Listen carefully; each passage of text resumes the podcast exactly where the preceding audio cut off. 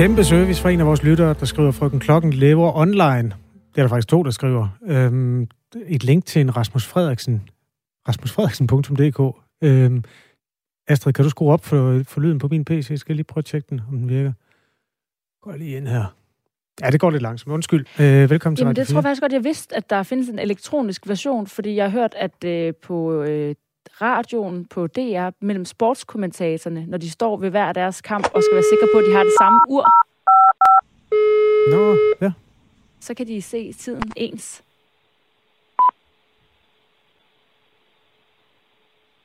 Syv. Mm. 06 og 0. Hold kæft, det passer. Det er fremragende. Tusind tak. Rasmusfrederiksen.dk Ja, vi siger tak til frøken Klokken. FRKK. Okay, det er simpelthen, hvor man, det er på en hjemmeside, man kan få det læst højt. Jeg troede, det var et ur digitalt, man kunne se. Nej, nej, endnu bedre. Men øh, ja, det korte og lange er, at der er sindssygt mange steder i verden, hvor du kan se, hvad klokken er. Og derfor er der ikke brug for telefonservicen mere. Den stod åbenbart bare som en service og optog plads og svinede CO2-mæssigt. Og det betyder altså, at det i dag er sidste dag, man kan ringe til frøken Klokken og få oplyst det eksakte klokkeslag. Man kan så åbenbart få gjort det digitalt fremover. Det her med at kunne løfte telefonrøret og ringe, det har ellers været en service, vi har kunnet nyde siden 1939 og som øh, også har været en del, som du nåede at fortælle her på, af Jørgen Jortings program, De ringer, vi spiller. Og lidt senere på den her morgen, der sætter vi altså lys på, hvad det var, frøken Klokken bidrog med. Hun skal også være med i fødselsdagskvisten. Og hun skal også være, ah, men altså, hun bidrager med rigtig meget i dag, Ja, må hun man får sige. sindssygt travlt. Det er også sidste arbejdsdag, så kan hun nyde sit otium bagefter, eller gå på internettet, som det hedder. Klokken den er altså 7 minutter over syv her på en øh, tirsdag, hvor du lytter til Radio 4 morgen. I studiet der er Kasper Harbo og Astrid Date. Og udover frygten Klokken, så har vi selvfølgelig også nogle af dagens vigtige historier med til dig. Vi skal blandt andet, ja, vi skal tale om vejret. Vi skal også øh, tale om, øh, jamen ved du hvad, den kaster vi så ud nu. Mistillid mellem øh, forældre. Øh, det er et muligt biprodukt af vaccinerne til børn, og det kan skabe splid øh, det sted, hvor kærligheden burde trives. Lad os tage den. Skilsmissefamilier oplever nemlig udfordringer med, om børnene skal vaccineres eller ej, når det nu er et anlæggende, der er overladt til forældrene. Det kræver kun én forældres tilladelse at få vaccineret barnet, og øh, det kritiserer Børns Vilkår og foreningen FAR. Øh, det gør de over for DR. Jesper Lose er Landsforeningens formand, altså Landsforeningen FAR. Godmorgen. Jamen, godmorgen. Hvilke konflikter er det, du oplever i forbindelse med vaccinering af børn i skilsmissefamilier? Jamen, man kan sige, at hvis der er fælles forældremyndighed, så er det en fælles beslutning, om et barn skal vaccineres eller ej. Øh, men myndighederne må tage udgangspunkt i den ene forælder, øh, hvis ikke de gjort opmærksom på, øh, at den anden forælder har modsat sig. Øh, men problemstillingen er, at det ikke er alle, der bliver inviteret. Øh, det er ikke begge forældre, der altid bliver inviteret til vaccinerne. Øh, og forældrene melder ind, at de har ikke noget sted at gøre indsigelser, hvis det er det, de ønsker. I hvilke tilfælde er det ikke begge forældre? Altså hvis der er delt forældremyndighed mellem to fraskilte, får, får de ikke begge to en invitation, eller hvad man kalder det? Vi har i hvert fald meldinger om, at det ikke altid sker. Øh, der vil være rigtig mange forældre i Danmark, der oplever, at begge forældre får det. Øh, men der er et problem med digital post i Danmark. Øh, man har ikke overblik over alle børn under 18 år i forhold til fælles forældremyndighed. Hvem har det, hvem har det ikke? Og derfor kan man heller ikke udsende skrivelserne korrekt. I forhold til vaccinerne, så er Danmark jo... Altså, jeg tror, der er et stort midterfelt af mennesker, der, der sådan på, på en eller anden velovervejet og rolig måde går til det her og prøver at finde ud af, om de vil eller ikke vil. De fleste vil godt. Men så er der også nogle fløje, der sådan er ret hårdt trukket op over for hinanden. Altså de arve modstandere og de øh, meget varme øh, og også højt råbende tilhængere. Og de er ikke enige om noget som helst. Hvis man går på Twitter, er de i hvert fald ikke. Øh, hvordan er det i en skilsmissefamilie? Har du nogen sådan kendskab til det, hvor, hvor der står øh, to forskellige holdninger og øh, repræsenteret hver sine forældre? Ja, øh, det er jo det man, det, man oplever på det her område. Altså, det er netop vigtigt at så sige, at øh, langt størstedelen af de danske forældre er fantastiske og, og kan godt finde ud af at, at være enige om det her, og det er et forældreansvar. Så det her det er et af de områder, hvor man siger, jamen det er jer, der har valgt at få et barn sammen, øh, og her står I altså i en situation, hvor I skal være enige om nogle ting. Så det er ikke nødvendigvis samfundet, der skal være, øh, øh, som skal tage ansvar for det. Det er et forældreansvar, man er nødt til at finde en løsning på det. Øh, men det er klart, at der er en lille gruppe, øh, som, som har øh, meget følsomme holdninger til det her. Øh, øh, og øh, der er man simpelthen også nødt til at, at, at, at finde løsninger på det. Øh, men det kan være svært. Øh, men øh, lovgivningen er klar. Altså er der fælles forældremyndighed, så må man tage udgangspunkt i, at forældrene er enige, med mindre end forældre har gjort indsigelser. Og det er nødvendigvis den ret, en forælder har. Selvom Sundhedsstyrelsen øh, ytrer, at begge forældre skal være enige om, at barnet skal vaccineres, så foregår det altså anderledes i praksis. Lige nu kan den ene forælder øh, tage initiativ til, at barnet bliver vaccineret. På vaccinationsstederne kræver man kun, at den ene forælder møder op sammen med barnet, eller alternativt har givet en nem ID-bekræftelse på vacciner.dk. Har du, altså, er der allerede sket tilfælde af den type her, hvor den ene forælder er dukket op og har vaccineret barnet mod den anden forældres ønske? Ja, det er i hvert fald de meldinger, vi kan høre fra folk, det er, at der er situationer, hvor det sker. Øh, de meldinger, vi får ind, det er, at der er forældre, der ikke får invitationerne. Der er forældre, der ikke bliver spurgt, men den store gruppe vil formentlig opleve det. Altså man kan sige, at vaccinationsstederne skal i hvert fald være sikre på, øh, at de har begge forældres øh, samtykke, øh, hvis det skal gå rigtigt for sig. Men, men har de mulighed for det? Har de jo tid til det? Det er spørgsmålet. Det er der ikke noget, der tyder på. Og på samme måde som et skolevalg, Jamen, man må godt tage udgangspunkt i øh, den ene forælder, øh, hvis det er, at øh, der er fælles forældremyndighed. Men øh, vi har i hvert fald meldinger om, at det ikke altid bliver tjekket.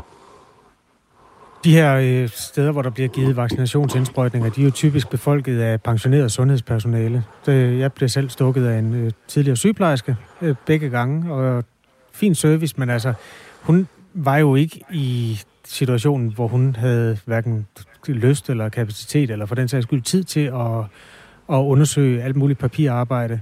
Nu, har jeg jo, nu er jeg 50 år, jeg kan mm. godt selv beslutte mig, men altså, hvis, hvis det nu var et barn, var det så der, du ville forvente, at man fra myndighedernes side sørget for, at begge forældre havde givet samtykke? Ja, det skal ske inden. Øh, øh, man skal i hvert fald øh, have et tjek et eller andet sted. Det kan være, når man udsender invitationen. Har man et tjek på, at der er gjort indsigelser fra den ene forælder, så skal man vide det på det tidspunkt. Fordi du er fuldstændig ret sundhedspersonalet, der sidder med det her ude i virkeligheden. Jamen, der sker masser af fejl. Der er masser af tilfælde, hvor de her sådan, regler øh, ikke bliver overholdt. Så løsningen er måske, at det i virkeligheden er, er øh, den øh, øh lægen, øh, børnenes egen læge, der skal foretage vaccinationen, og så kan man forældre øh, som forældre øh, give indsigelser, hvis, hvis man ønsker, øh, at barnet skal vaccineres, ikke vaccineres til egen læge. Det tror jeg er et meget øh, ambitiøst ønske, Jesper Lose, altså landsforeningens, øh, eller foreningen Fars landsformand. Mm. Jeg tror, det er meget ambitiøst, at du omkalfatrer systemet til, at det er lægerne, der skal gøre det. det, det eller for at være helt ærlig, det tror jeg ikke kommer til at ske. Øh, hvad, hvad råder du dine medlemmer til at gøre? Jamen, man kan sige, øh, der er regioner, der er startet med det, de praktiserende læger, som foretager vaccinationen nu, så det er måske realistisk i, okay. i virkeligheden. Øhm, Hvilke regioner jeg, er det?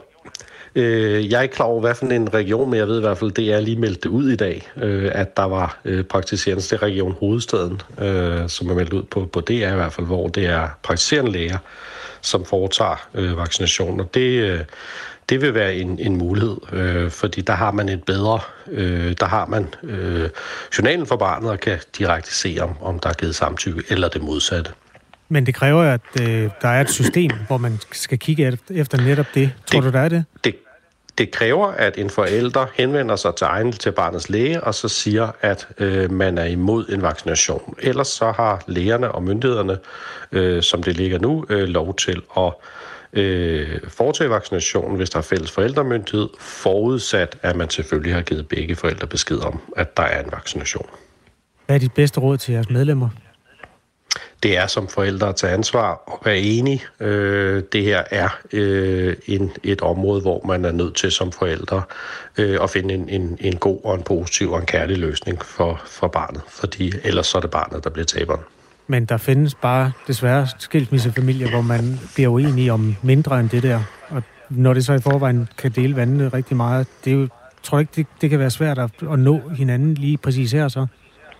Jo, men vi er nødt til at opfordre til, at det gør man alligevel, og, og vi ved, at det, er, øh, det vil være under 1% af, af, af forældrene i Danmark, som øh, vil stå i en situation, hvor de ikke kan træffe sådan en fælles beslutning. Så opfordringen må stadigvæk være, at alle forældre øh, går ind og bliver enige om de her sådan ting, Hvis der er en lille gruppe, hvor man ikke er uenig, eller hvor man ikke er enig, øh, jamen så er loven klar, så må der ikke blive foretaget en vaccination. Tak fordi du var med, Jesper Lose. Selv tak. Landsformand i foreningen FAR. Nå, Kasper, de må jo efterhånden blive brugt som dørstopper, brevvægte, legetøj til børnene. Det er Lionel Messis trofæer. Nå, boldene. Guldboldene. Guldboldene. Han vandt nemlig sin syvende Ball d'Or guldbold. Ballon. Ballon? Mm, det er den, den franske sportsavis L'Equipe, der indstiftede prisen Ballon for mange år siden. d'Or. Ja, det er mig, der har skrevet øh, for hurtigt her. Jamen, det gør ikke noget. Men, den øh, argentinske ja, øh, fodboldspiller, som altså bliver, øh, siger man kåret til verdens bedste fodboldspiller. Det er jo lidt paradoxalt, for det findes der jo så en, øh, en anden titel, der reelt er, nemlig FIFAs. ja, men lad den ligge. Men, Men altså, lad, os, er- lad os tale om guldbolden. Det er den Ja, fineste af de det er priser. den fineste, og den bliver uddelt af de franske journalister, og den bliver anset som den største. Mm. Øh, den bliver faktisk... Øh, altså, guldbolden får jo stemmer fra hele verden, faktisk. Der er et dansk dagblad også, der har lov, eller det, det så vidt jeg husker, Tipsbladet, der har lov at afgive en stemme. Øh, så på den måde er det jo sportsjournalister. Men det, man kan blive irriteret over, er jo, at Messi vinder igen. Og det altså, kommer fra en mand, der har elsket Lionel Messi, siden han var 17 år. Altså, siden Messi var 17 år. Men det er jo ikke ham, der er verdens bedste lige nu. Altså, det er det jo bare ikke. Altså, der, er der er jo der er jo mange, der er bedre. Og hvorfor får han den så? Fordi han er en popularitetspris. Ja, ikke? Kæle dække på en eller anden måde. Kælde dække. Selvfølgelig er han, altså, han har gjort det godt og alt det der, men Lewandowski, altså du, du kunne finde et par Bayern-spillere eller tre, der, eller Kevin De Bruyne. Du kan finde så mange, der altså, på en eller anden måde bidrager med, eller løfter deres hold mere end jeg synes, Messi har løftet sit. Men det er jo en smagssag. Der er jo også øh, en dansker, som var med i, øh, i løbet om at vinde prisen, Simon Kjær, om at blive øh, verdens bedste mandlige fodboldspiller. Han blev nummer 18. Mm. Og det lyder måske lidt dårligt, men det er første gang i Ej, det gør 20 det altså ikke. år, at en dansk mandlig fodboldspiller overhovedet får stemmer til den her pris. Er det rigtigt? Mm. Hvem, du ved ikke, hvem den sidste var med? Og så er der øh, Pernille Harder, som jo ja, er gik det hen? Danmarks uden sammenligning bedste kvindelige fodboldspiller. Hun var noget tættere på end Simon Kjær, selvom det heller ikke helt blev til det flot, øh, flotte trofæ. Hun endte som den syvende bedste spiller. Okay. Jeg ved øh, fra anden hold, det er nemlig også sportsjournalister fra hele verden, der får lov at deltage i den afstemning. Og øh, i Danmark, der er det DR Sportens Andreas Kravl, der fik lov at afgive sin stemme. Og han stemte på Pernille Harder. Og sådan sidder de jo nok rundt omkring, og ja, at der er en lille smule hjemmebanedom over, hvem der bliver stemt som vinder. Undtagen lige når det er Messi, åbenbart. Og man kunne også, altså hvis nu man har stemmer e- lidt efter landets størrelse, ikke? altså Danmark, hvis vi kun har Kravl, og Frankrig for eksempel har rigtig mange, så kan man også godt forestille sig, at der er selvfølgelig også noget med, hvem man kender, hvem står man nærmest, altså i forhold til, hvor dygtige spillere de måske er. Lynquiz. For at forklare, hvorfor at du, øh, altså det er Lionel Mm. Messi, der vinder igen. Jo, jo. God idé. Lynquiz. Ja. Hvilken dansker har vundet Ballon d'Or? Michael Laudrup. længere tilbage. Men han nåede at spille på hold med Michael Laudrup. Lille mand deltog i Vild med Dans. Uh, ja, det har du jo set. Gud er der ej. Jeg har set fodbold. Allan Simonsen? Hørt Allan Simonsen. Ja, ja. Nej, men det, du er lovlig undskyld. Det var 1977. Der var du kun et glimt i din mor og fars øje.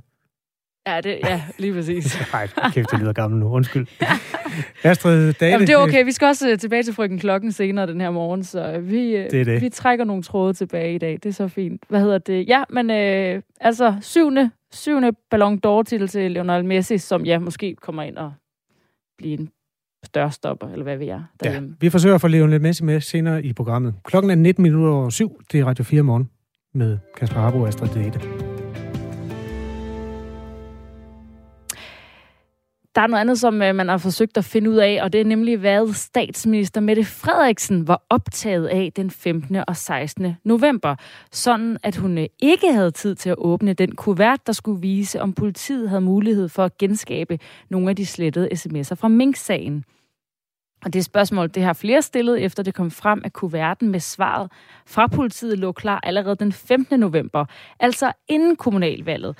Men først dagen efter kommunalvalget, altså den 17. november, havde statsministeren ifølge sin egen forklaring mulighed for at åbne kuverten. Og der er altså nogen, der spekulerer i, om det var lidt timet til, at øh, det ikke skulle gå ind og influere noget valg, at, øh, at det altså viste sig, om øh, de her sms'er kunne genskabes eller ej.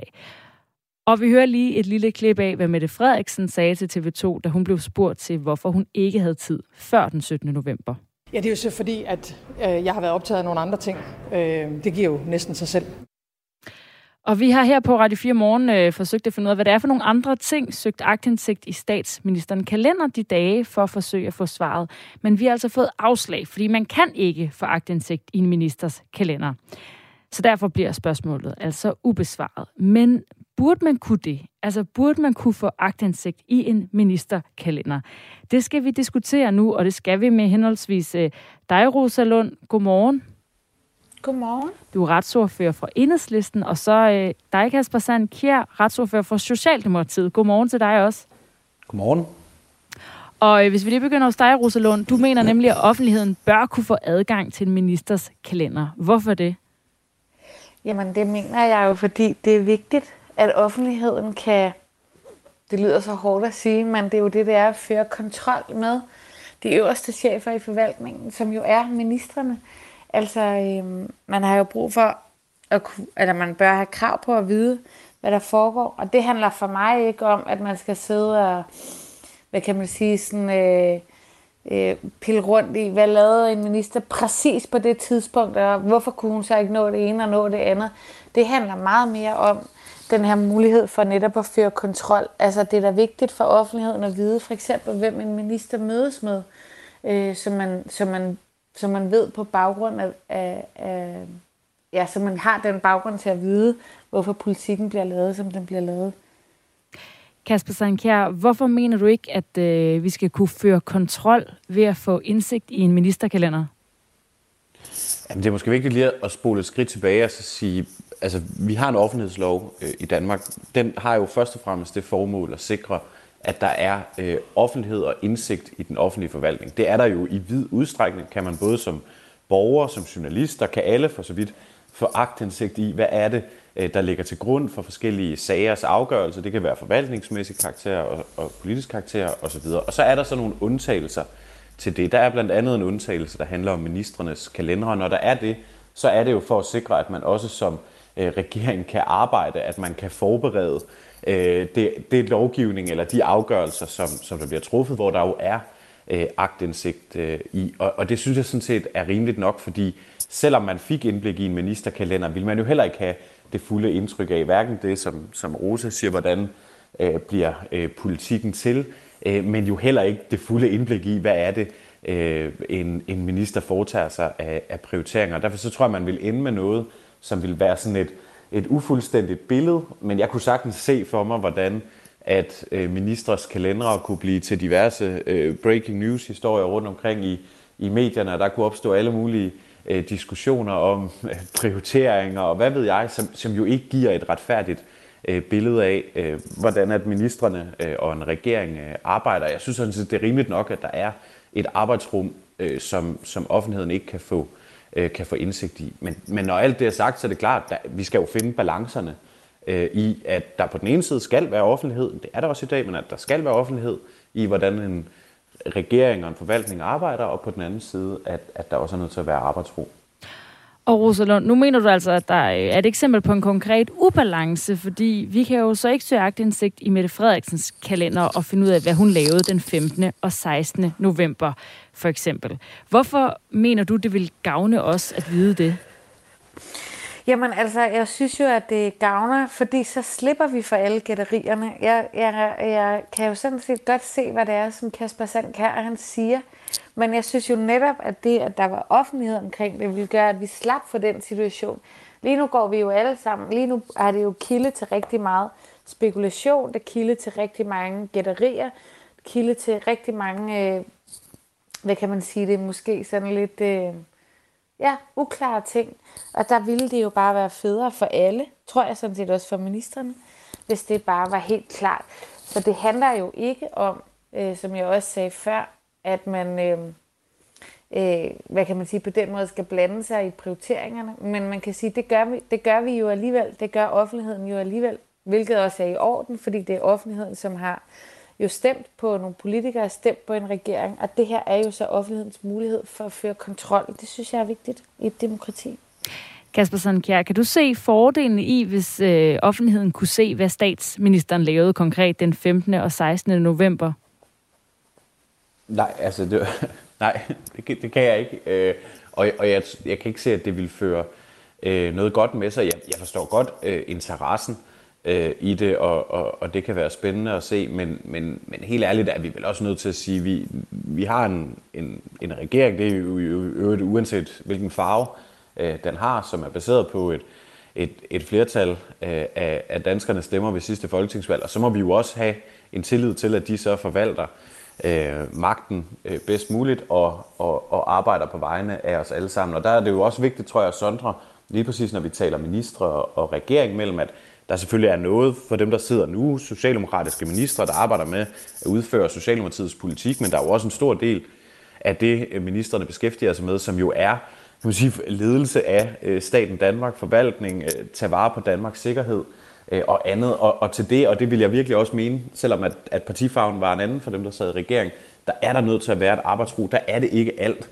som skal være, som skal være offentligt. Der er vi jo også nødt til at have Øh, en grad af tillid til dem, øh, som, vi, som vi vælger. Og, og derfor så synes jeg nogle gange, at den her diskussion om, om offentlighedsloven, den kommer jo sådan til at, kommer til at emme meget af en mistillid øh, til dem, der har magten, og sådan et behov for at, at kunne føre kontrol med hver eneste øh, lille detalje. Og jeg tror aldrig, man vil kunne komme hen et sted alligevel med agtindsigt, hvor man vil få øh, hver eneste lille detalje, øh, så man vil ende med et ufuldstændigt billede. Men jeg tror egentlig også bare, at vi er nødt til at erkende, i et demokrati, så er vi også nødt til at have øh, en tillid til, til hinanden. Hvad, hvad siger du til det, Rosalund? Synes du, øh, øh, altså, mangler du tillid i virkeligheden? Jamen, jeg synes jo netop, at mistilliden kommer af, at man ikke kan få at vide, hvad der foregår. Og man kan sige, at hele, hele pointen med offentlighed i forvaltningen er jo, at man skal kunne følge med i, hvad der foregår at der ikke skal kunne opstå den her tvivl, at der ikke skal kunne opstå den her mistillid, som opstår lige nu, fordi det er lukket. Og derfor så ser jeg det jo lidt omvendt af, hvad, hvad Kasper Sandkær han gør. Altså, jeg tror, at den her mistillid opstår, fordi det netop er lukket. Om, jeg kommer lige med nogle eksempler på noget, man godt kan få agtindsigt i, fordi man kan, man kan ikke få agtindsigt i ministerens fulde kalender. Men der er en såkaldt åbenhedsordning, der betyder, at ministerierne en gang om måneden skal oplyse ministernes aktiviteter, deres officielle aktiviteter og arrangementer af offentlig repræsentativ karakter, som det hedder. I oktober for eksempel, der blev det registreret, at Mette Frederiksen har deltaget i et offentligt arrangement. Det var VM-kvalifikationskampen mellem Danmark og Østrig, og derudover registreret 12 officielle aktiviteter, for eksempel at hun holdt tale ved Folketingets åbning og Folketingets debat. Rosalund, hvorfor er det ikke nok? Jamen, det vi har brug for at vide er jo i langt højere grad, hvem er det, som ministerne. Og det er også vigtigt for mig at sige, at det her det handler ikke kun om den her enkelte sag, hvor man ikke har kunne få adgang til Mette Frederiksens kalender. Det her det handler jo om et generelt spørgsmål om åbenhed i forvaltningen. Og vi har jo bare brug for, både som Folketing, som jo er dem, som skal føre kontrol med regeringen, det er faktisk vores grundlovs, hvad kan man sige, den opgave, vi har fået af grundloven, at det er os, der skal føre kontrol med regeringen. Og at så bliver der jo nødt til at være den her lukkethed, som vi ser i dag.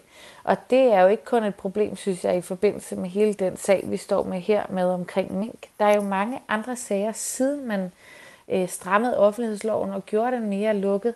Altså har der jo været rigtig mange andre sager. Der er så mange eksempler på ting, der aldrig ville være kommet frem, hvis vi havde haft øh, den offentlighedslov, vi har i dag. Det er skandaler i sundhedsvæsenet, det er øh, hvad hedder det, øh, det er miljøting, det er, det er rigtig mange spørgsmål. Og derfor så synes jeg jo netop, at, at for at lave den her tillidsdagsorden, som Kasper han skaber om, eller taler om, undskyld, så er der nødt til at være åbenhed. Tak for det, Rosa Lund, retsordfører for Enhedslisten. Tak. Og også til dig, Kasper Sandkjær, retsordfører for Socialdemokratiet. Tak.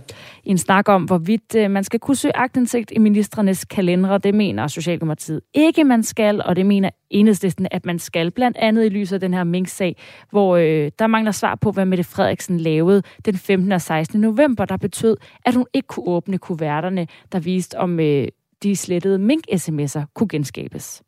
Du lytter til Radio 4. Øh, vi skal se nærmere på en dame, der er sidste arbejdsdag om, ja, efter nyhederne. Du skulle lige høre hende her. 30 og 0 Værsgo, Henrik Møring. Klokken er halv otte.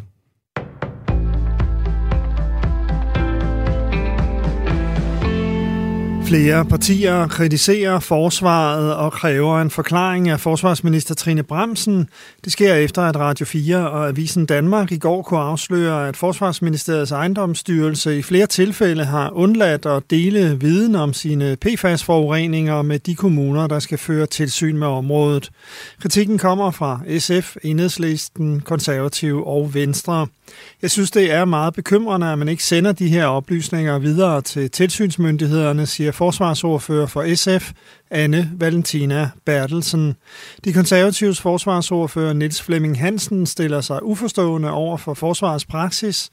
På fredag er forsvarsminister Trine Bremsen og miljøminister Lea Wermelin indkaldt til et samråd om forureningerne med de giftige fluorstoffer på statens arealer. Her ønsker flere partier, at Trine Bremsen redegør for forsvarets handlinger. Forsvarsministeriets ejendomsstyrelse har forklaret sig med, at der ikke er truffet et bevidst valg om ikke at dele informationerne. I dag er sidste frist for sygeplejerskerne for at deltage i en kollektiv opsigelse. Der er 167, som har svaret, at de deltager i en begivenhed, der er oprettet på Facebook. 2.300 har tilkendegivet, at de er interesserede. Begivenheden er henvendt til sundhedspersonale bredt og ikke kun sygeplejersker. Det er uklart, om det kun er ansatte i sundhedsvæsenet, som har valgt at deltage i begivenheden. En af dem, der har sagt op, er Ida Vinden Johansen, som snart er tidligere sygeplejerske på Odense Universitetshospital. Den grundlæggende utilfredshed går jo på, at vi, vi har svært ved at, at passe de her patienter forsvarligt, og, og når man er uddannet sygeplejerske, som i ordets bedste forstand, at vi skal pleje de syge, så matcher det jo slet ikke overens med, at man føler, at patienternes liv er i fare, fordi vi ikke er nok øh, i vagterne til at passe de her patienter. Hverken USA's præsident Joe Biden eller landets statsepidemiolog Anthony Fauci regner med, at en ny coronavariants indtog vil føre til nye restriktioner for rejsende. I hvert fald ikke endnu, siger de til CNN.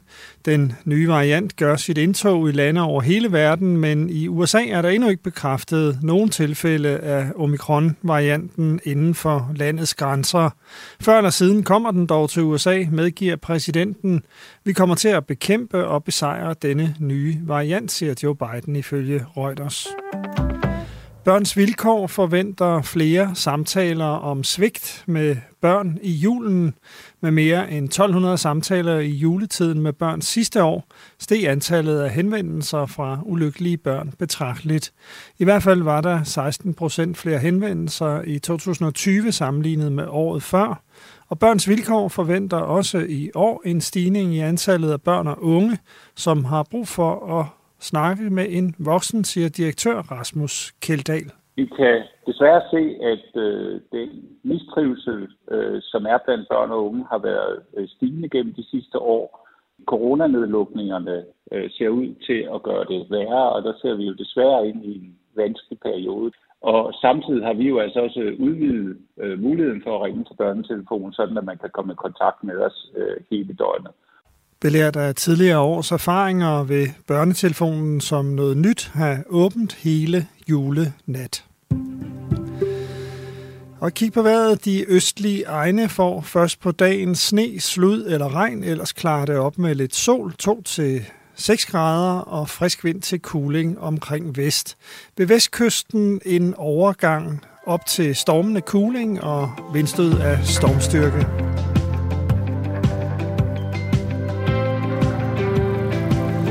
Øj, Ivan har skrevet. Det var Jon Dahl Thomasen, der sidst var nomineret til prisen, øh, den der Ballon d'Or.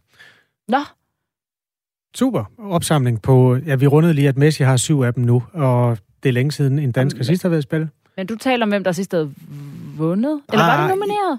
Nej, ja, ja, men det, var, det var fordi, du sagde, det er 20 år siden, en dansker har fået point i konkurrencen. Ah. Tak, Ivan. Tak, Jon Dahl, verdens bedste inderside. Øhm, godt, så er vi vist færdige med den for i år. 7.34 er klokken. Astrid Data og Kasper Harbo siger velkommen til Radio 4.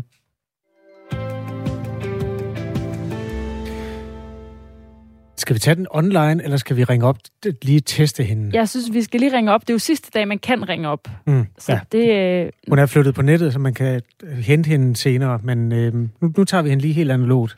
Nummer er det 70 10 11 55. Kan man, kan man, kan man høre noget her? Jamen, jeg skal- skal jo så åbne telefonen, når den tid kommer. Okay, vent lige. Nu 70, hvad siger du, 11? Nej, Nej, 70 10 11 55. Så skal du vælge Bemærk, telefonen. tjenesten ophører 30. november 2021. Gud, det er det. 7, 35 og 30. Ja, hun har den sgu endnu, frøken Klokken. Øhm, og hun har været vigtig i mange år. Hun er bare ikke så vigtig, som hun har været, og det er grunden til, at den øh, som telefontjeneste betragtet nu bliver sendt på pension. Vores reporter, Katrine Volsing, har øh, samlet op på hele frøken Klokkens historie. Vi skal jo fortsætte en tid, hvor der ikke var øh, radiosynkroniserede ure eller smartphones øh, med internetforbindelse, som hele tiden sørger for, at, at, at uret passede. Så Bornholmer-uret eller armbåndsuret, eller hvad man nu så sin tid på, øh, det gik ligesom lidt ud af synk nogle gange. Det tabte lidt tid, eller det vandt lidt tid. Så nogle gange havde man ligesom brug for et sted, hvor man kunne få den officielle tid, den tid, som vi alle sammen var enige om, var den rigtige. Det kunne være rådhusuret, det kunne også være radioavisen, hvis man lyttede radio, eller det kunne være frøken klokken. Så der var altså det her behov for at, at, sådan at, få, at få synket tiden op, sådan, så, så, så vi alle sammen var på fælles tid, så at sige. Det er Martin Gerster Johansen, der taler. Han er udstillingschef på Enigma, Museet for Post, Tele og Kommunikation, hvor den oprindelige frøken klokken er udstillet. 12, 33 og 10. Den første frøken klokken var telefonistinde og arbejdede ved KTAS, Københavns Telefonaktieselskab, og var i virkeligheden sådan en, en, en uh, automatiseringsøvelse. Dengang der ringede KTAS abonnenterne op 4 millioner gange om året til telefonistinder, altså fysiske kød- og blodmennesker, der sad og forbandt dig med den, du ville tale med. De ringede 4 millioner opgange til dem om året for at høre, hvad klokken var. Og det kunne man jo ret hurtigt regne ud, at det, det kunne gøres billigere og nemmere, hvis der var en maskine, der kunne tage sig af det i stedet for. Og derfor kom den første frøkenklokken til verden i 1939. Stemmen bag den første frøkenklokken var Anna Edith Sommer Jensen. Altså den første, første frøken klokken var, øh, fandt man øh, ved at sidde og lytte med på telefonistindernes øh, samtale med kunderne. Øh, og så fandt man øh, frøken Sommer, som jo havde en, en, en smuk og dejlig stemme. 15, 07 og 50. Og derfor så blev hun udvalgt til at tage med nogle teknikere til Stockholm, hvor man optog den her første frøken klokken i 1939. I 1970 kom en ny frøken klokken til. Frøken klokken nummer to var Marianne Germer. Hun var øh, oplæser hos Danmarks Radio. Øh, og hende fandt man jo simpelthen, fordi uh, der var jo lige pludselig nogle stemmer, som var en del af folks hverdag, og hun var kendt for hendes, hendes uh, formfuldendte og flotte dansk. Så derfor blev hun udvalgt til at indtale den næste frøken klokken fra 1970. Og det er hende, som vi hører i dag stadigvæk. 12, 33 og 20. Altså fra starten var hun jo bare sådan en, en high-tech, super, super moderne måde at øh, løse det her problem på. En, en tidlig robot, eller sådan en slags tidlig øh, digital assistent. Øh, man kan sige, i dag har vi Siri på iPhone, for eksempel. Man kan, man kan snakke med og, og spørge om alt muligt, også hvad klokken er. Det her, det var måske første skridt i sådan en udvikling. Men så blev hun jo også bare en, øh, en stemme, som vi alle sammen kendte, fordi vi havde prøvet at ringe til hende, eller fordi man måske hørte øh, de ringer, vi spiller på Jørgen Jorting-program. Så, det, så det, er, det er nok virkelig der, de fleste af os har hørt frøken klokken oftest. 12, 33 og 30. Er det Jørgen Jorting, jeg har fået fat i? Ja, det er det da. Jeg ringer selvfølgelig, fordi at øh, frøken Klokken, hun lukker og slukker i morgen. Nå, der går hun det. Ja. ja. Det har jeg haft et godt forhold til i mange år. Jørgen Jorting er 91 år gammel, og i 1968 startede han programmet De ringer, vi spiller, og han var fast vært indtil 1996. Hvad har frøken Klokken betydet for dig, Jørgen? Jamen, det er jo blevet synonymt med, med altså, det program, jeg havde i så mange år. De ringer, vi spiller. Det kom sig jo af, at vi skulle finde på en eller anden måde øh, at skælne mellem let og svært. Efter eller ueffen, lige eller ulige. Og så synes jeg, det var meget passende at kunne gøre det med noget, man kunne høre. Og da det nu var et telefonprogram, så var det faktisk ret nærliggende at komme i tanke om frugtklokken. Når det var et lige tal, så var det let, og når det var et ulige tal, så var det et svært spørgsmål, man skulle helt komme op i. Ikke? Ja, så øhm, uh, jo, det var spændende lige der, men nu skal vi så stille op til frugten klokken. Det var sådan et fast led i programmet, som jo dels bestod af et lille snak med en lytter og så et stykke ønsket musik, og så en lille quiz der. Det, det var sådan en opskrift, der holdt i mange år, må jeg sige. 10. 35. Ja, Det var et af de svære. det skulle være et af de lidt sværere måske. Et af de følgende musikinstrumenter er ikke et strengeinstrument. Og det første, jeg nævner, er en ukulele. Så kommer en balalaika, en marimba og en lut.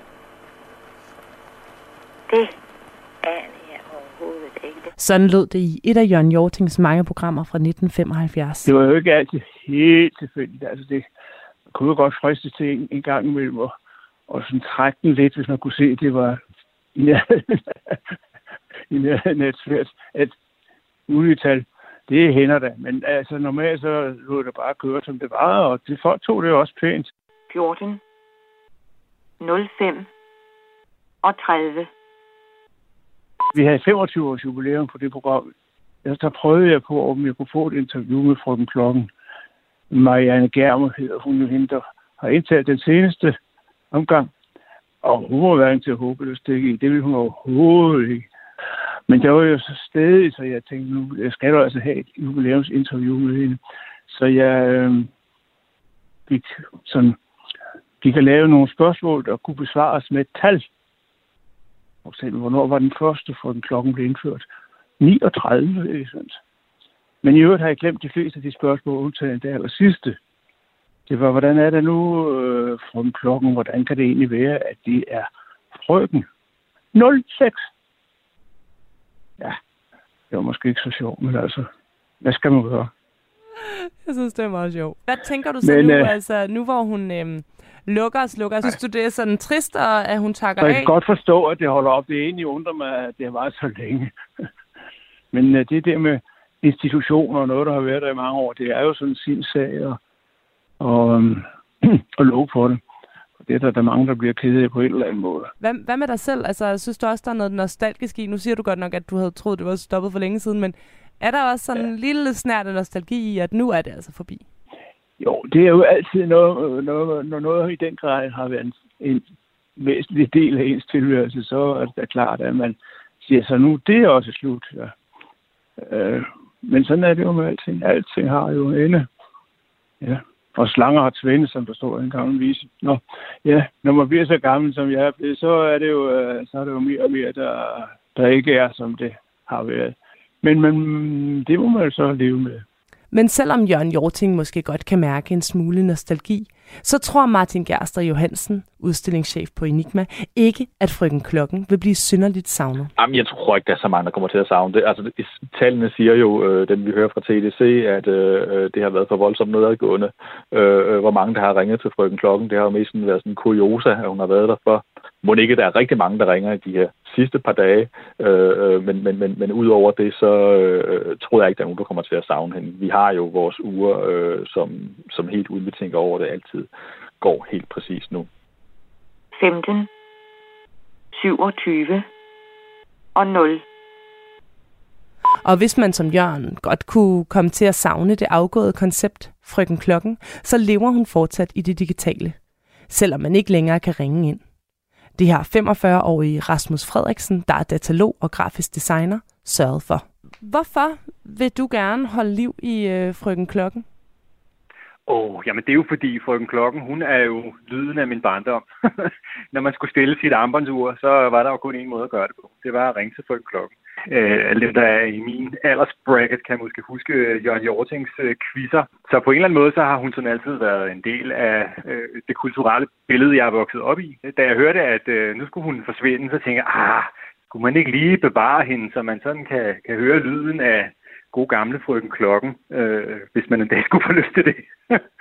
og så øh, kastede jeg mig over at lave en, en digital version af hende, som øh, nu kommer til at leve på øh, Post- og øh, Telegrafmuseets side Enigma. Den gode mand, du hørte til sidst i indslaget her, hedder altså Rasmus Frederiksen, og det hedder hans hjemmeside også, altså rasmusfrederiksen.dk, og så skal du skrive skråstreg FRKK, så kan du høre hende døgnet rundt, hvis du skulle få lyst. Og hun hedder faktisk ikke bare Frøken Klokken. Kvinden, der har lagt stemmen til, eller ikke bare lagt stemmen, men altså læst alle de her klokkeslæt ind, hedder Marianne Germer. Øh, Sofie Volting, som lavede indslaget, ringede også lige til hende for at høre, om hun havde lyst til at være med. Det havde hun ikke, men hun får vores øh, kæmpe respekt for at have passet det her, lad os bare kalde det fuldtidsarbejde, i mange år. Sofie Volting sagde det. Katrine Volting ja, hedder hun. Katrine Volting. Klokken er kvart i syv, og det her det er Radio 4 morgen. De første glatføreuheld i formentlig den her vintersæson er sket i Nordjylland her til morgen. Det har været sådan ret voldsomt øh, vejr, både med snefald og ja, så sådan en smeltet og det frosset til igen, og det har altså givet glatte veje mange steder. Vi er vågnet til en våd og pivkold morgen, hvor der ruskes godt i os. Det er simpelthen vintervejr, der er kommet. Andreas Nyholm, øh, værvært og metrolog hos TV2 Vær. Godmorgen. Godmorgen. Hvor, hvor vinterligt er det i dag? Ja, men det er øh, en af de første gange, man har stået op til, til sne øh, på, øh, på vejene, og selvfølgelig også glatte veje. Vi har set det nogle, nogle få gange tidligere det her, det her efterår, der har været lidt, lidt sne og glatte veje, men det er nok mange, der for første gang har set lidt sne i luften her i morgentimerne, og det er øh, risiko lige nu for, at der kan være glat stadigvæk, men øh, heldigvis så er risikoen aftagende, da, da temperaturen er på vej op, så jeg tror inden for den næste times tid, så er det nok ved at være overstået, men lige nu, der kan man altså godt møde nogle, møde nogle veje, især i måske Nordsjælland og Nordjylland, hvor der stadigvæk kan ligge lidt øh, sne fra natten tilbage. Øhm, altså når det blæser, og det sneer samtidig, så øh, er der jo risiko for snestorm. Hvor tæt er vi på det? Jamen, I dag har det været øh, alt for mildt til, at det kunne være snestorm. Snestorm, der skal sneen kunne fyge, og, og den sne, der er faldet her i løbet af nat og i morgentimerne, har været våd, så, så den øh, har ikke kunne fyge, og der har slet ikke været nok af den. Man skal over 10 cm sne, før man snakker snestorm. Så i dag, der har det været sådan en lille forsmag på det, der måske venter i, i morgen. Befolkningen i Danmark er delt op mellem dem, der sætter vinterdækkene på øh, 1. september helt pligtskyldigt, og så dem, der opdager, at øh, gud, det er blevet vinter, fordi lige nu er det faktisk lidt glat. I forhold til, hvis vi skal servicere sidste øh, gruppe der, hvor, hvor glat bliver det, og hvor meget får man brug for vinterdæk i den kommende uge, 14 dage? Jamen, det ser ud til, at det er nu, man skal have dem på, for, for der kommer øh, sne i morgen, og der ser også ud til at være øh, risiko for nattefroster og nyt sne her den næste uge, 14 dage, så det er absolut på høje tid at få vinterdæk på for, det ser vinterligt ud, så for vinterelskere er det jo en god ting, at der måske kommer noget sne, så man kan komme ud på, på Kælkebakken, men det er jo også farligt i trafikken, at, at der venter det her sne, og det er altså allerede i morgen, at vi vil kunne se, at der kommer sådan betydelige mængder sne, der også måske kan blive liggende i, i længere tid. Andreas Nyholm, altså værvært og meteorolog hos TV2 Vær. Bare lige allerkortest her til sidst. Har du et hvidhjulsbarometer klar? Ah, vi sætter det først, øh, her 1. december på TV2, men jeg kan godt afsløre, at det kommer nok til at stå lidt over det normale, for, for starter vi ud 1. december med, med et godt lag sne flere steder, det ser det ud til i morgen, at vi, vi kommer til at få, ja, så tror jeg, at vi kommer til at sætte det lidt op på over det normale. Og hvad er det normale? Det er sådan noget 2% chance? Ej, det er faktisk mere. Det er omkring 8%, øh, hvis man sådan kigger tilbage til 1873 og så frem til nu, så er det sådan cirka 8% af gangene, vi får landstækkende ved jul. Så det er nok lidt over de 8%, at der trods alt kommer til at være her i år. Tak fordi du vil være med her hos os i Radio 4 morgen. Det var så lidt, det var hyggeligt. Andreas Nyholm, altså værvært og metrolog hos TV2 Været.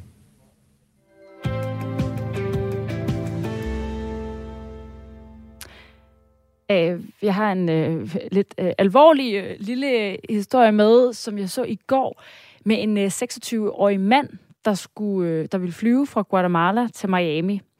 Og han gjorde det på den måde, som øh, man måske har hørt af før, hvor man hægter sig fast på flyets underdel, altså øh, ben, landingsstel. Oh. Den vi så i Afghanistans lufthavn. Lige præcis, det vi så i Afghanistans lufthavn. Og så ryger man jo ligesom øh, op i flyets øh, ja, sådan et maskinrum, og så sad han der i tre timer. Men han kom levende fra det, eller hvad? Det gjorde han nemlig, han er her. Desde Guatemala. Míralo ahí. Agua, tragámosle agua, man. Altså nogen omkring ham, der siger, at han skal have noget vand og sådan noget. Ikke? Øhm, men det er et, øh, et helt vildt farligt fænomen, fordi på den der tur, der bliver der altså i det her rum ned til minus 17 grader. Der kan være iltmangel, man kan blive knust af udstyret, man kan falde ned. Der var faktisk en mand, der faldt ned ved siden af en, der solbadet i Syd-London. En mand, der var fløjet fra Nairobi til London, som så røg ned. Øh, der er også en 15-årig, øh, der har gjort det samme til Hawaii, som er kommet frem med øreskade, høreskade. Og så det, du siger, nemlig, at vi har set billeder af de her afghaner, der forsøger at hække sig på flyet, mm. der, der skal flyve til USA, efter Taliban indtog Kabul. Og der fandt man altså, da de kom frem, øh, altså mennesker, knuste mennesker i det her øh, stilling. Og det er primært migranter, der flygter. Og i Guatemala, der er der lige nu hungersnød, øh, der er fattigdom, vold, skriver Washington Post, og det er altså noget af det, man ligesom går ud fra, han er flygtet fra. Og de har ikke kommenteret på det, men det er altså en farlig tendens, det her med, at man øh, forsøger at flygte via flystillet.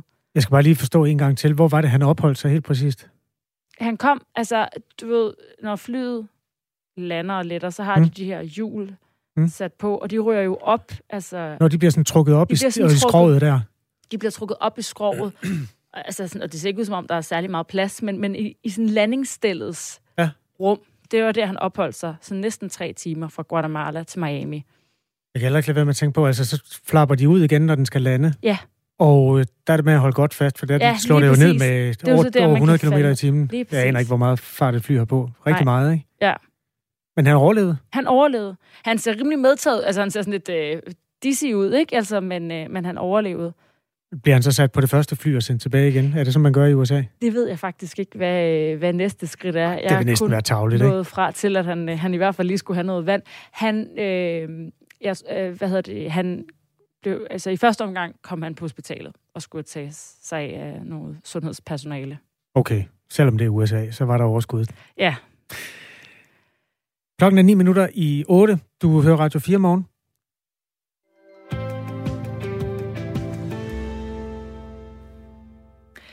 Online samtaler på jobcentret, det skal tilbage, det mener fagforeningen KRIFA. Øh, I en pressemeddelelse her til morgen, der kritiserer fagforeningens formand Erik Dahl Bidstrup de nuværende regler om, at samtaler på jobcentret skal foregå fysisk. Og grund til, at man overhovedet måske siger, at de skal tilbage igen, det er fordi, at øh, det jo i løbet af coronapandemien var muligt at holde dem online. Og det har de altså haft stor succes med, de her online-samtaler på jobcentret. Så blev reglen så afskaffet igen i øh, august, fordi det var bare en midlertidig løsning, mens der var corona. Men de savner altså de her online-samtaler i stedet for de fysiske. I pressemeddelelsen skriver formanden, at de fysiske samtaler ikke giver mening. Og øh, det er altså dig, Erik Bistrup. Godmorgen. Ja, godmorgen. Jeg hedder Eik. Eik. Eik Undskyld, jeg læser lidt for hurtigt her. Ja, helt okay. Beklager. Hvorfor øh, giver de fysiske samtaler ikke mening i jobcentret? Ja, altså selvfølgelig giver de fysiske samtaler mening i jobcentret, men når vi står i den her situation, hvor vi gør, hvor øh, der er jo stigende smitte i samfundet, jamen så øh, foreslår vi, at man kommer tilbage til det, som der var jo her under øh, den tidligere lockdown, at øh, man kan have de her online samtaler, som rent faktisk viser sig at være super øh, super gode, og en super god måde for vores øh, medarbejdere og medlemmer at kommunikere med hinanden. Øh, desværre så blev det jo afskaffet igen. Vi ville jo gerne have, at det blev for, det fortsatte, så man havde mulighed for at uh, have de her uh, digitale samtaler, men det ønsker man ikke. Men uh, nu, når vi står i den her situation igen med så mange smittede, jamen så vil vi gerne give den tryghed både til vores medarbejdere og til vores medlemmer, at, uh, at uh, kunne tage de her online samtaler. De er altså en fordel, de her online-samtaler, men du skriver alligevel i pressemeddelelsen, at de fysiske samtaler ikke giver mening. Hvad er det ved de fysiske, fysiske samtaler, der ikke fungerer? Altså det er mening i forhold, i forhold til, at vi står i en situation, hvor, hvor vi jo har øh, medarbejdere, der er nervøse, øh, også medlemmer, der er nervøse for at komme ind fysisk på, øh, på vores lokationer. Øh, så det er set i det perspektiv. Øh, men vi ser jo gerne, at man kunne øh, have mulighed for at lave de her online samtaler, også baseret på de erfaringer, vi nu har gjort os her i, i pandemien, at vi gerne gjorde dem permanente, så man øh, enten kunne gøre dem øh, online eller komme ind fysisk, også når vi forhåbentlig snart er overstået det her. Og som sagt, så blev online-samtalerne altså indført på landets jobcentre under de første coronabølger, men blev så fjernet igen i august i år. Og lige nu der ligger der et forslag i Folketinget om, at medlemmerne skal have lov til at vælge frit mellem fysiske og digitale samtaler efter seks måneder. Regeringen har øh, dog tidligere i et interview her på Radio 4 sagt, at de mangler mere viden om effekterne af de her online-samtaler. Men det, øh, det argument, det køber I ikke helt. Hvorfor ikke det? Nej, altså regeringen kan jo bare henvende sig til os og spørge de, øh, om, de erfaringer, som der nogle gange er. Øh, det, det har de jo ikke gjort endnu. Øh, jeg tror, det det både os og, og andre har jo også oplevet øh, det, det samme, at øh, det giver noget tryghed, det giver noget øh, mulighed også for dem, som, øh, som måske øh, står i, i den situation, hvor det kan være svært at komme fysisk ned og tage de her samtaler. Jamen, så giver det en, en tryghed, som gør, at de måske kan komme videre også i deres øh, jobsøgning. Så det vil, den service vil vi rigtig gerne kunne tilbyde. Og også hvis nu, fordi lige nu er det jo også, øh, som du siger, i lyset af et højt smittetryk, men vil I også gerne have de her online-samtaler i lige så høj grad, hvis der ikke var et højt smittetryk? Ja, det så vi meget, meget gerne. Men lige nu, når vi råber op her, så er det, fordi vi oplever både øh, øh medlemmer, men også medarbejdere, som øh, råber vagt i gevær og siger, hey, øh, der er så meget, der lukker ned nu i sam- samfundet, vi skal bruge masker og så videre. Øh, kan vi ikke komme tilbage til den øh, gode erfaring, vi gjorde os øh, sidste gang? Og hvis du bare lige hurtigt skal sammenligne forskellen på online og fysiske samtaler, hvad er så fordelen ved en online samtale? Jamen det er jo især, især der, når øh, for, for nogen, øh, som øh, måske øh, oplever det svært at komme ned til den her fysiske samtale. Det er jo ikke en sjov situation, man står i, når man, øh, når man ikke øh, har noget job. Øh, og derfor så øh, har erfaringen, vi gjorde også her sidste gang øh, under lockdown, det var jo, at øh, der, vi nåede faktisk øh, nogle af vores øh, medlemmer på en, på en rigtig god måde med de her online samtaler. Og derfor kunne vi godt tænke os, at det blev permanent, at man havde mulighed for det, men selvfølgelig også møde fysisk ind. Ja, for man kan jo sige, at sidste gang, at, øh, at den her mulighed blev givet, det var jo så under de første coronabølger, hvor vi jo var i reel mm. lockdown, hvor i dag, der er der jo stadigvæk øh, mange, der går på arbejde, vi viser coronapas, og altså samfundet kører jo på en eller anden måde videre åbent lige nu, selvom vi har smitte.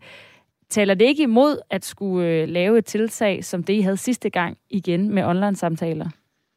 Nej, altså ikke når vi, når vi oplever, at øh, der, der, som jeg sagde, både medlemmer og medarbejdere, som, øh, som råber vagt i gevær og, og siger, kan vi ikke komme tilbage til det her? Plus, at vi må sige, at det var sådan en god erfaring, at vi gjorde os øh, sidste gang. Så det hele taget mener vi jo, det er hul i hovedet ikke at holde fast i de gode erfaringer, man gør sig øh, under sådan en, en, en lockdown øh, og, og fortsætter med det så handler det i virkeligheden mere om, at det er godt for medlemmerne at have den mulighed at kunne øh, tage mødet hjemmefra, end det handler om en frygt for coronasmitte. Altså som jeg sagde, så er det, så er det begge dele. Vi har gjort også nogle rigtig gode erfaringer med det sidste gang. Øh, samtidig med, så oplever vi nu, at både medlemmer og medarbejdere, der kontakter os og siger, hey, øh, der er faktisk et opspunkt her, vi oplever, at vi er nervøse for at tage de her fysiske samtaler lige nu. Så det er begge dele. Kunne et forslag ikke være så at indføre coronapas til samtalerne? Øh, selvfølgelig skal vi jo øh, kigge på, hvad, hvad der er fornuftigt i forhold til at, skabe sikkerhed, både for, for medlemmer, men også for, for vores medarbejdere. Men når man kan gøre et sådan lille ting, som uh, fungerer rigtig godt, jamen så synes vi, det er jo tåbeligt ikke at tage den beslutning at gøre de her samtaler online igen, eller give mulighed for det. Og hvad kan du gøre for at være med til at ændre den beslutning? Jamen det jeg kan gøre, det er jo blandt andet at tage den her samtale med dig, komme ud med vores holdninger ude i, ude i medierne, og selvfølgelig også tale med politikere om det, som, øh, som vi også gør. Eik Dahl Bistrup, du er altså formand for fagforeningen KRIFA. Tak fordi du var med her. Tusind tak for så god I lige måde.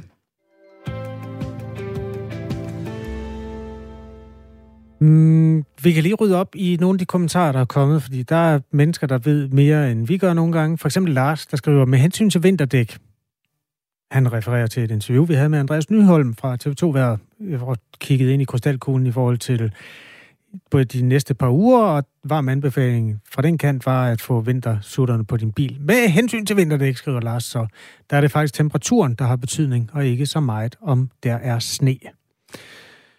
Vi kan også rydde op i en anden løs ende, nemlig, øh, hvad hedder det sted på et fly, hvor landings... Og, jo, det hedder landingshjulene. De klapper op. Landingsstellet klapper op. Ja. Øh, det hedder en julebrønd. En hvad? En julebrønd. Okay. En julebrønd, øh, det skriver Mark, og han er flymekaniker, så han må vide det. Ja. Det øh, refererer altså også til historien om en, øh, hvor var det, han var fra, guatemalisk flygtning, Migrant. som tog den hårde tur ved, ved at, at hægte sig på landingsstedet på et fly, øh, og overlevede og landede i USA og kom på hospitalet. Og hvor er han i dag? Vi ved det ikke. Der er også kommet post, der refererer til øh, diskussionen om, hvorvidt vi som offentlighed og mennesker i det her land skal have lov at kigge med i for eksempel Mette Frederiksens kalender. Det var en debat, som du bestyrede mellem øh, Kasper Sandkær fra Socialdemokratiet og Rosa Lund fra Enhedslisten. Vi kan lige tage en kommentar fra Jan Klatrup, som holder til i Diana Løven på Sjælland.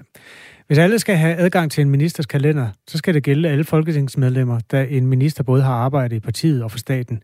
En del folketingsmedlemmer er også medlemmer af udvalg, skriver Jan, og mener altså, at øh, man skal åbne hele skidtet. Og nu følger jeg lige op på ham med manden fra Guatemala igen, fordi øh, nu skriver Check-in øh, dansk øh, flymedie, at det hedder en julebrønd. Han overlevede nemlig i en julebrønd, står der i overskriften. Og planen er, at han skal sendes hjem snarest muligt. Lyder det altså fra øh, øh, en advokat i USA. Ja, okay. Der er nyheder med øh, Henrik Møring her på Radio 4 klokken 8.